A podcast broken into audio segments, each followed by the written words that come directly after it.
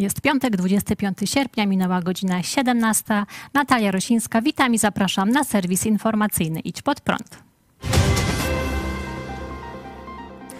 Niedziela, 9 rano, msza w kościele w Giecznie. Poseł PiS Marek Matuszewski wręcza duży kartonowy czek księdzu proboszczowi miejscowej parafii. Na czeku kwota 450 800 zł. Pieniądze mają być przeznaczone na remont ołtarza. Czy to hojność pana posła? Czy rozbił skarbonkę, do której skrupulatnie odkłada swoje poselskie dochody? Nie. Wyciągnął ze skarbonki, do której rząd zbiera nasze dochody. Kwota na czeku to kolejna już państwowa dotacja na remont tego kościoła.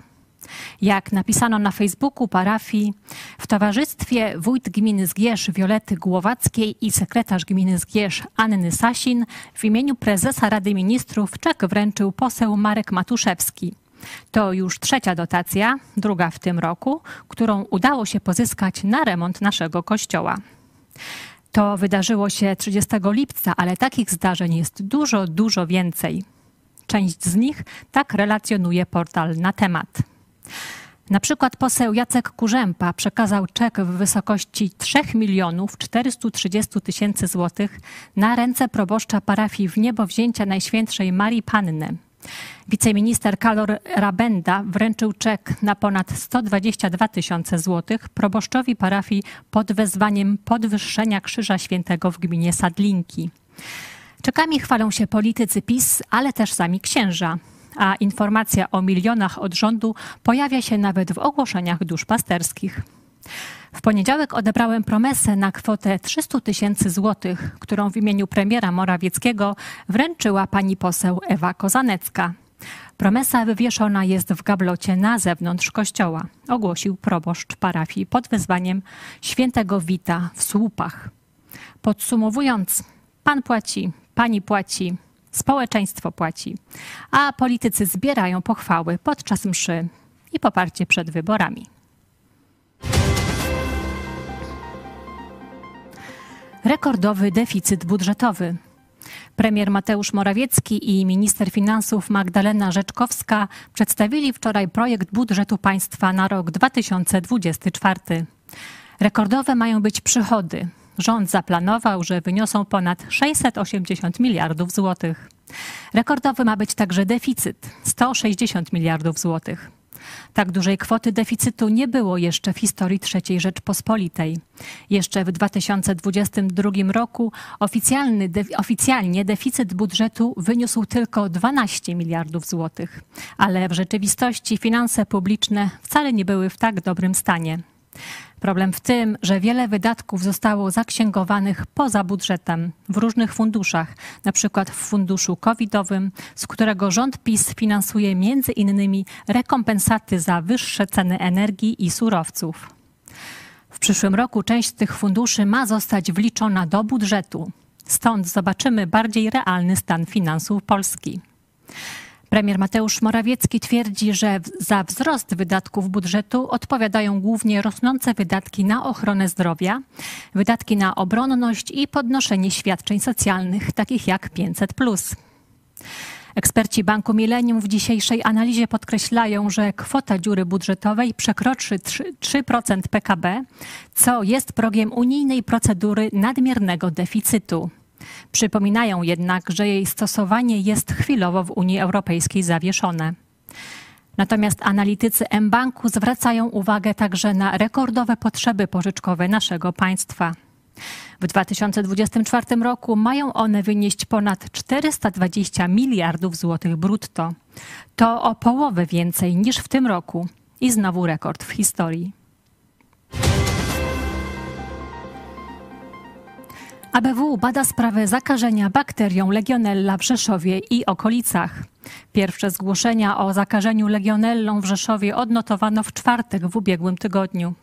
Według dzisiejszych informacji w ostatnich dniach na legionellozę, ciężką chorobę dróg oddechowych, zmarło już siedem osób, trzy kobiety i czterech mężczyzn. Dzisiaj informowano też, że zakażenie legionellą potwierdzono już u 113 pacjentów, głównie przebywających w szpitalach na terenie Rzeszowa i powiatu rzeszowskiego, ale także między innymi w Przemyślu. Dębicy czy Łańcucie. Źródłem zakażeń są najprawdopodobniej rzeszowskie wodociągi. Do zakażenia dochodzi drogą wziewną, przykład przez wdychanie rozpylonej wody zawierającej bakterie. RMFFM nieoficjalnie dowiedziało się, że potwierdzono obecność bakterii w wodociągach, ale oficjalne wyniki mają zostać podane w poniedziałek. ABW prowadzi czynności w celu sprawdzenia, czy sprawa nie ma związku z działaniem dywersyjnym. Rzeszów i okolice to rejon odgrywający istotną rolę w przekazywaniu pomocy dla Ukrainy.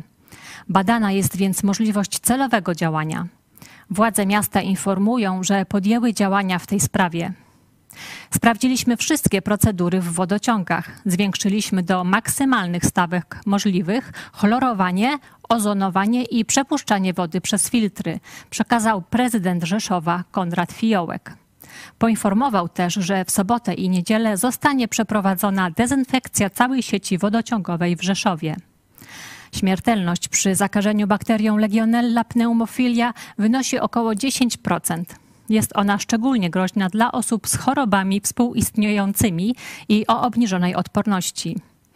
Bakteria atakuje układ oddechowy, może wywołać ciężką chorobę płuc, legionellozę. W łagodniejszej formie choroba wywołana przez bakterię Legionella może mieć objawy podobne do grypy. Donald Trump stawił się w więzieniu. Po przejściu krótkiej procedury opuścił areszt za kaucją w wysokości 200 tysięcy dolarów. Były amerykański prezydent zjawił się wczoraj o 19.30 czasu lokalnego w areszcie hrabstwa Fulton w Atlancie w stanie Georgia.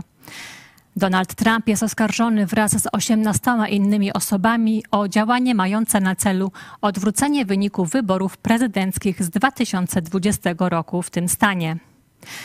Jest to jedna z czterech spraw sądowych, jakie wytoczono w ostatnim czasie byłemu prezydentowi. Ale tylko w tej sprawie Trump musiał osobiście stawić się w więzieniu. Policja wpisała do dokumentacji jego wzrost, wagę oraz kolor włosów. Ponadto wykonała słynne już zdjęcie policyjne, a nawet nadała Trumpowi numer więźnia. Aby nie trafić do aresztu, Trump musiał wpłacić 200 tysięcy dolarów kaucji.